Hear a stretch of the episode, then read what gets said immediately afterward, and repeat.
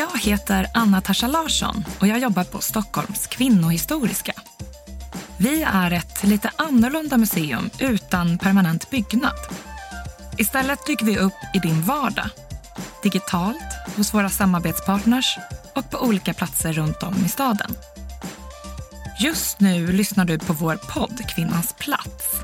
Och det här avsnittet är ett samarbete med Svenska Filminstitutet. Vi ska nu dyka in i skådespelaren och regissören Maj Zetterlings liv och hur hon lyckades ta sig till en roll bakom kameran i en väldigt mansdominerad bransch. Maj Zetterling hann åstadkomma mycket under sin karriär och ligger bakom flera filmer som kom att skaka om Sverige och Europa. Hon hann även arbeta med ett flertal filmhjältar, både framför och bakom kameran.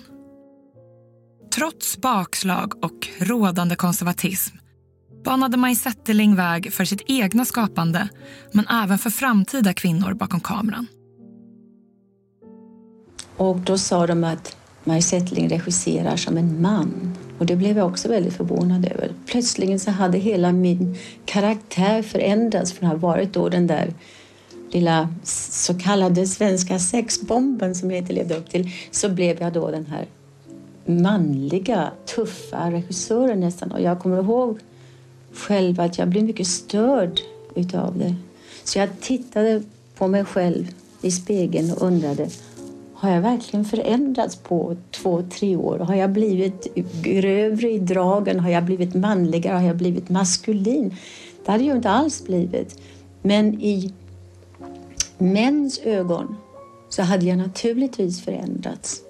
Därför att de såg på mig på ett helt annat sätt. Det vi hör här är Maj Zetterling själv när hon intervjuas av Jannike Ålund och Solveig Nordlund i deras film Möte med Maj. Producerad av Göteborgs filmfestival och Torom Film. I den träffar regissörerna Maj i hennes hus i Frankrike. Maj Zetterling föds 1925 i Västerås och hon växer upp på Södermalm i Stockholm. I sin självbiografi beskriver hon sig som något av en dagdrömmare och ett problembarn. I tonåren börjar hon med barnteater och 1941 får hon en roll i en pjäs vid Blanche-teatern. Samtidigt börjar hon ta lektioner vid Kalle Flygares teaterskola. Följande år kommer hon in på Dramatens elevskola och där kommer hon få flera roller som skådespelerska.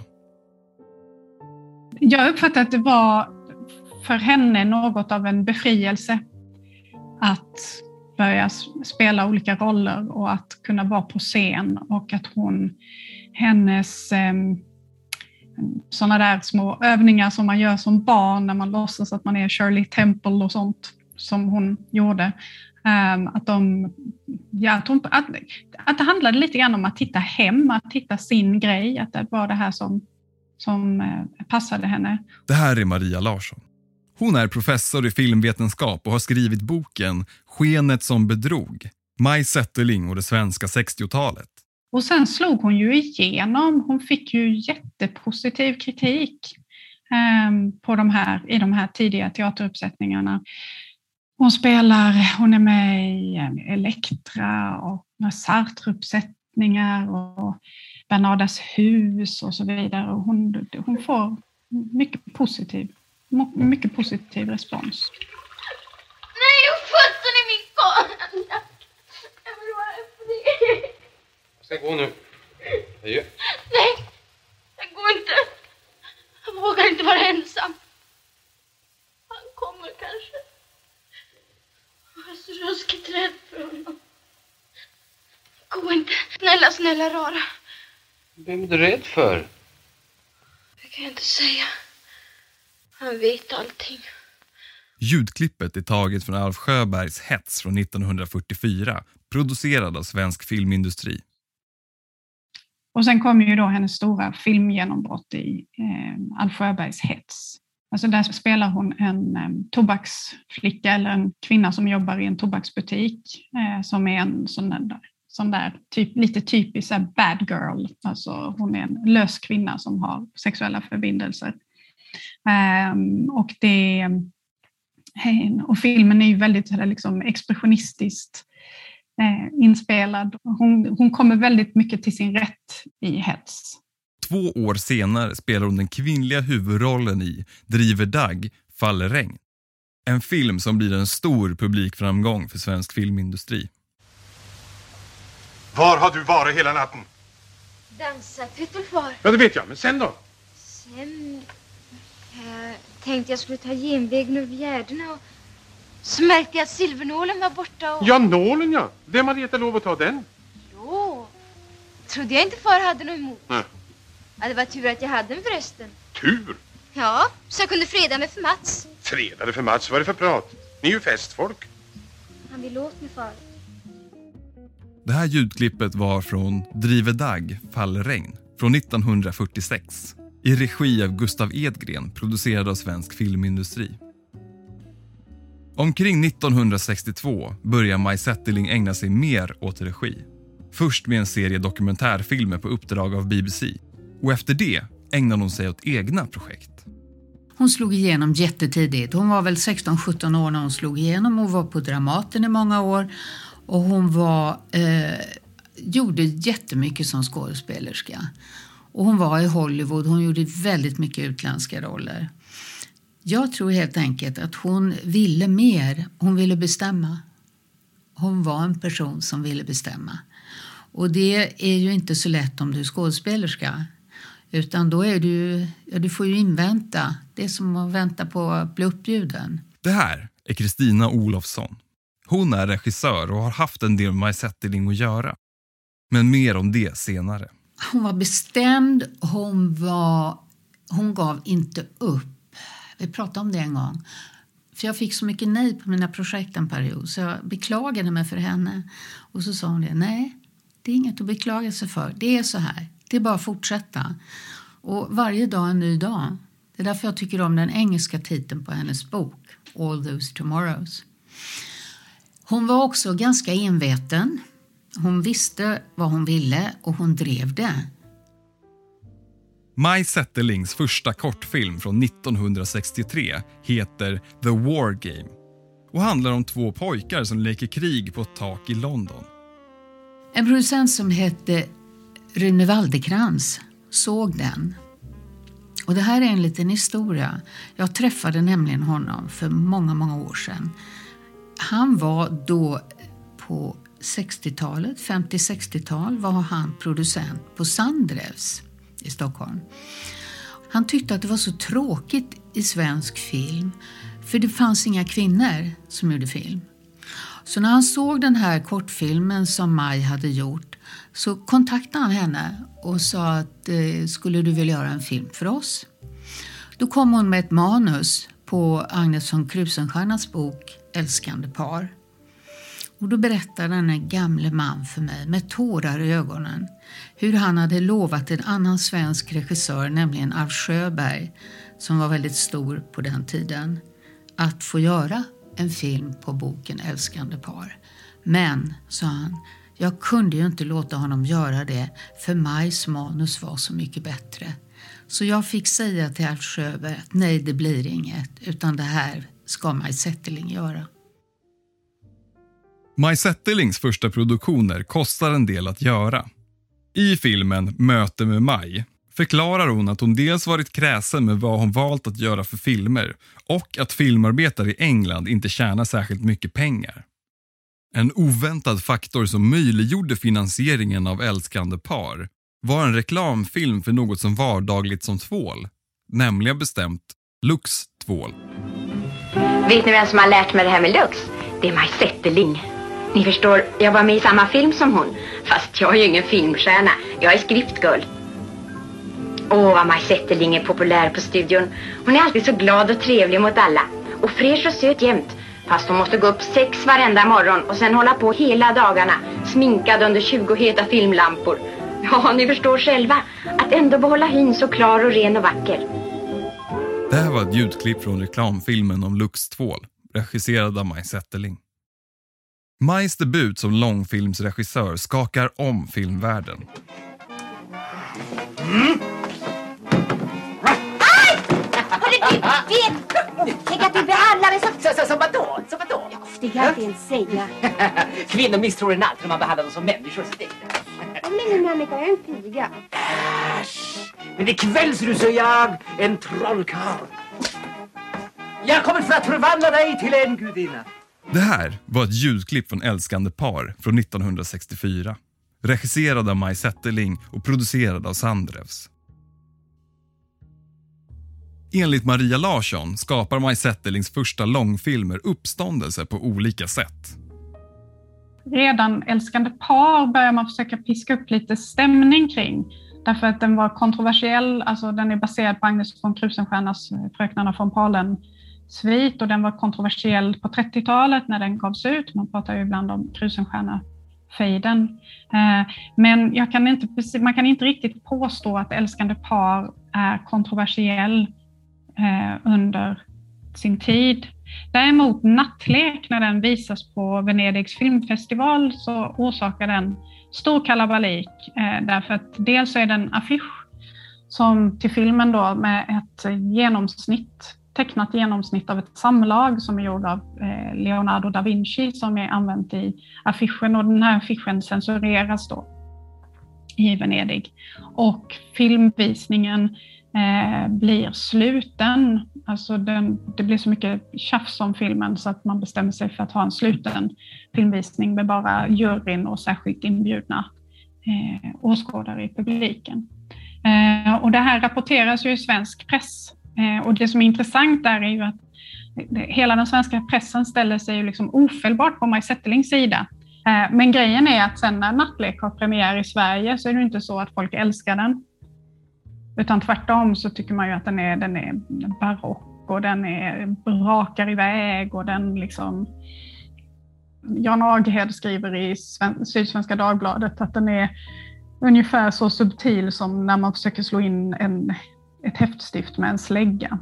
Det brukar sägas att nästan alla Maj Zetterlings filmer på ett eller annat sätt handlar om kvinnors olika villkor. Men 1968 släpper Zetterling en uttalat feministisk film om en teatergrupp som turnerar med pjäsen Lysistrate. God morgon, kära Lysistrate. Hur är det fatt? Rynka inte ögonbrynen så, det klär dig inte. Akta dig så du inte blir gammal i förtid. Kaloniki, jag är förbannad.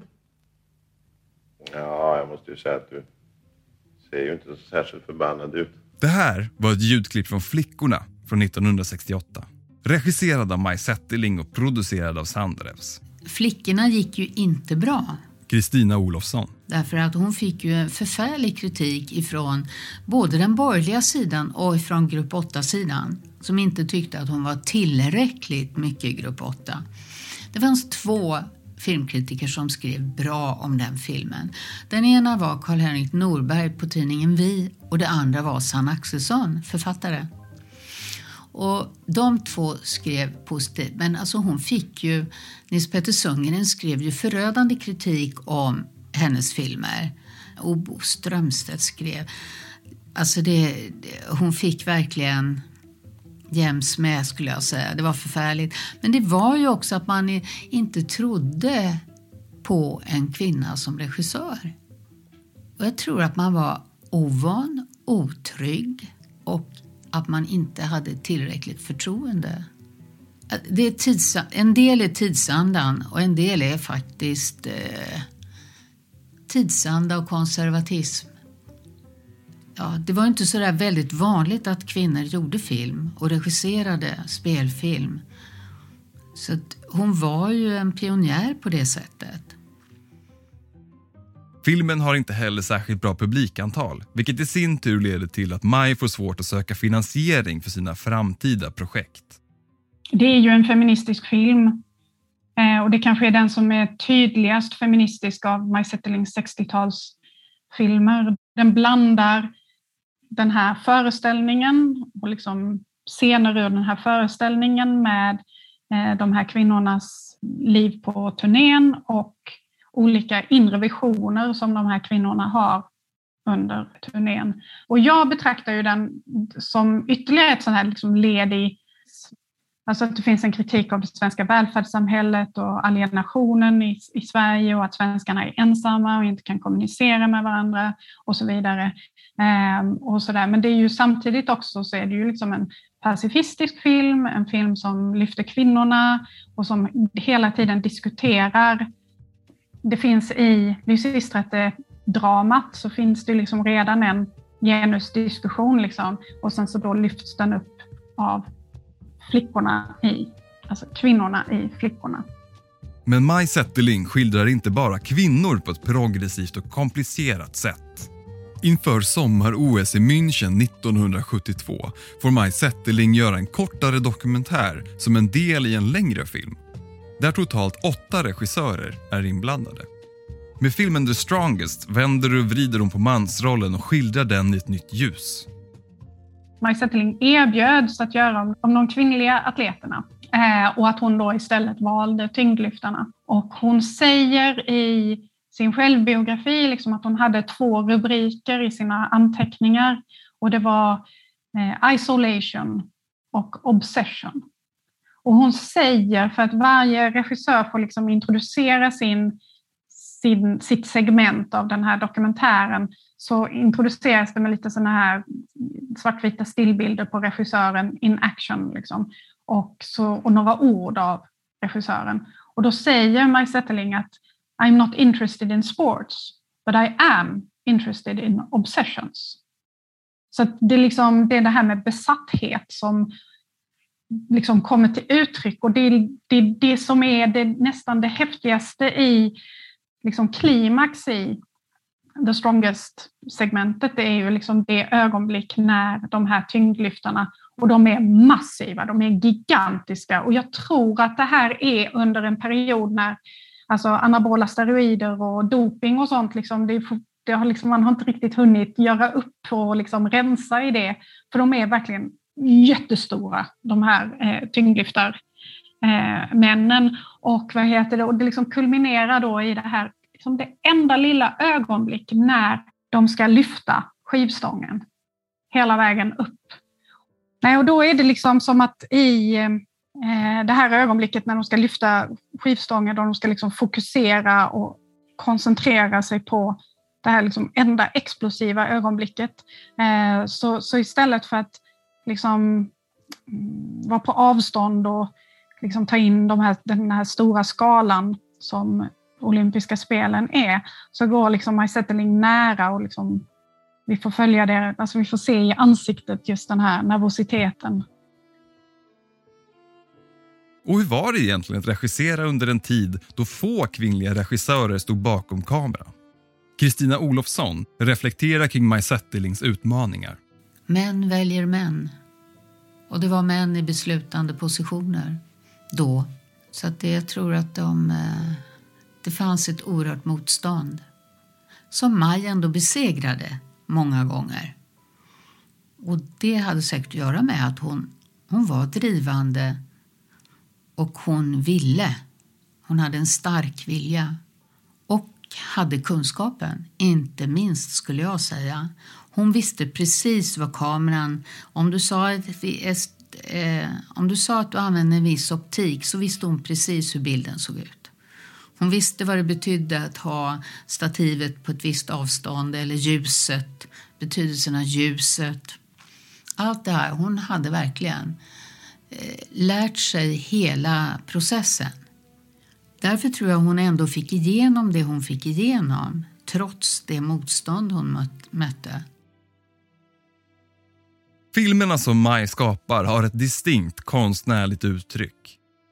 Det finns en stark autörnärvaro i nästan alla hennes filmer. Maria Larsson tycker sig se tydliga likheter i Majs produktioner.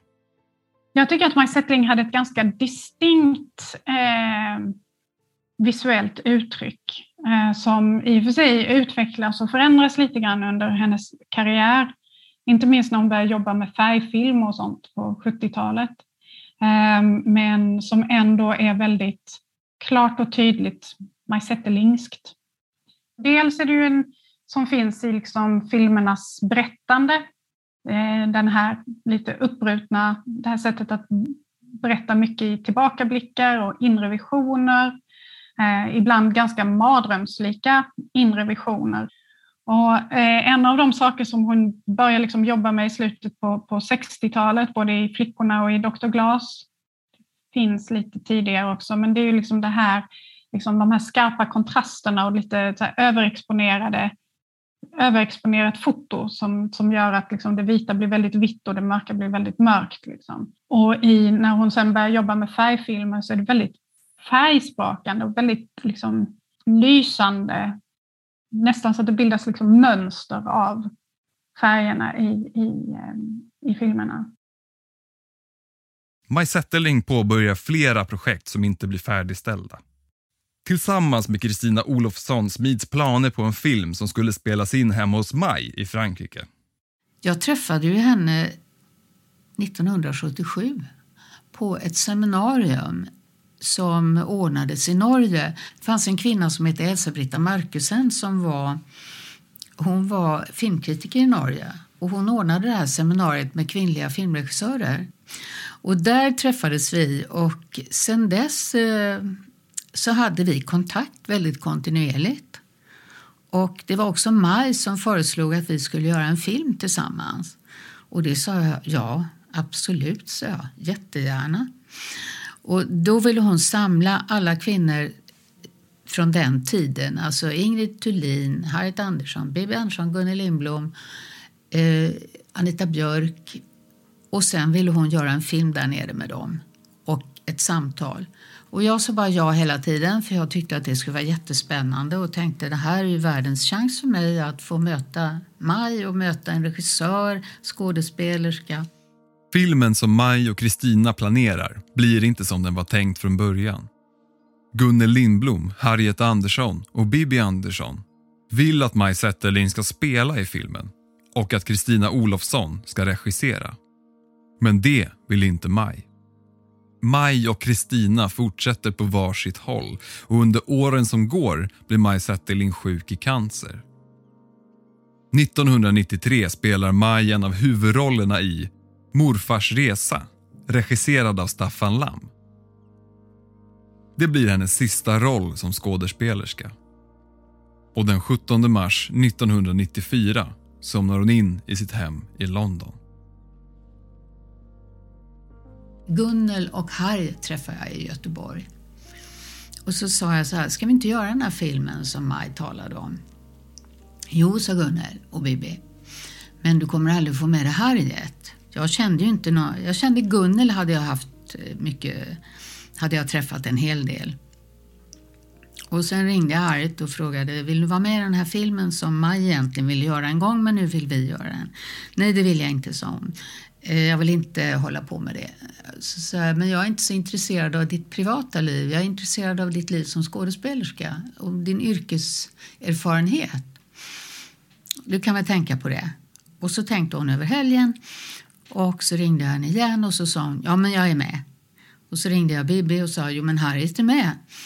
Och jag tror att Harriet hade, eller Bibi hade hoppats på att Harriet skulle säga att hon inte ville vara med så behövde inte Bibi säga det. Men nu hade ju Harry sagt jag är med och då följde det sig att både Bibi och Gunnel var med. Så då spelade vi in i rollerna tre nere i Majs hus i Lumasell. Och eh, det var en, eh, jag tror vi var där nere i sex dagar, spelade in. Vi var ett litet gäng. Det var Lisa Hagström på foto, Willy Pettersson Berger på ljud och Bengt Steiner på ljus. Marianne Persson på produktion och jag. Och så var vi där och spelade in och så blev det en film. Flera av Maj Zetterlings idéer får aldrig flyga. Både till följd av ekonomiska, liksom tidsmässiga skäl. Med film, många andra yrken också, men med film är det så mycket erfarenhet som du kan by du bygger vidare på erfarenhet efter erfarenhet och jag tror att Maj verkligen gjorde det. Hon, hon kanske var väldigt... Eh, gör man sin första långfilm så kan man vara då är man ju väldigt nervös för hur det ska bli och man vill få med allt och så vidare. Och jag tror att hon, hon tonade ner det mer och mer ju, ju fler filmer hon gjorde. Och därför tycker jag att det på något sätt är väldigt tråkigt att man inte att hon inte fick göra alla de filmer som hon hade planer på. Jag tror att hon hade eh, verkligen eh, kunnat betyda... Ja, för mig betyder hon jättemycket. Och jag tror att hon skulle kunna betyda än mer om hon hade fått utveckla sitt berättande, sitt filmtänkande och bildtänkande i det. Jag läste de manus som hon försökte få igång. Och eh, det var faktiskt ett par stycken manus som hon jobbade på. Och sen läste jag en bok som hon har skrivit som heter Birds of Passage. Och när jag hade läst boken så sa jag, men det här ska ju du göra film på. Ja, men John Donner tycker att det är alldeles för stillastående så han vill inte vara med på det. Han var då chef för Filminstitutet. När Maj var väldigt sjuk så höll hon på med just ett manus på Birds of Passage. John Donner kan ha rätt att den hade varit en stillastående film, Bird of Passage, men jag tror att Maj hade lyckats göra den så att varje bild betydde någonting. Och det var en resa i den bok som hon skrev då. Vad lämnar Maj Zetterling för arv till efterföljande filmskapare? Och vad betyder hon för svensk film idag? Om jag tar Flickorna så tycker jag den har en humor och den har en spetsighet och hur hon arbetade med att de åkte runt i Sverige och spelade Lysistrate och hur hon kan blanda det, det till synes dokumentära med det fiktiva i filmen och hur hon så att säga tog sig in i olika människors hem med sina skådespelare och gjorde de här scenerna. Och hur hon fick ihop det. Och det tycker jag är eh, ja, det tycker jag är spännande med henne. Att hon har arbetat, hennes sätt att arbeta på egentligen. Sen vet jag att hon var jättetuff mot skådespelare också. Men eh, jag tror att det också handlade om att hon måste vara så viljestark för att få igenom det hon hade bestämt sig för. Och jag tror att det var ännu mer på hennes tid, alltså 60-70-tal, det var inte lätt att vara kvinna och regissör och spelfilm. Och det är ju mycket väl omvittnat av även andra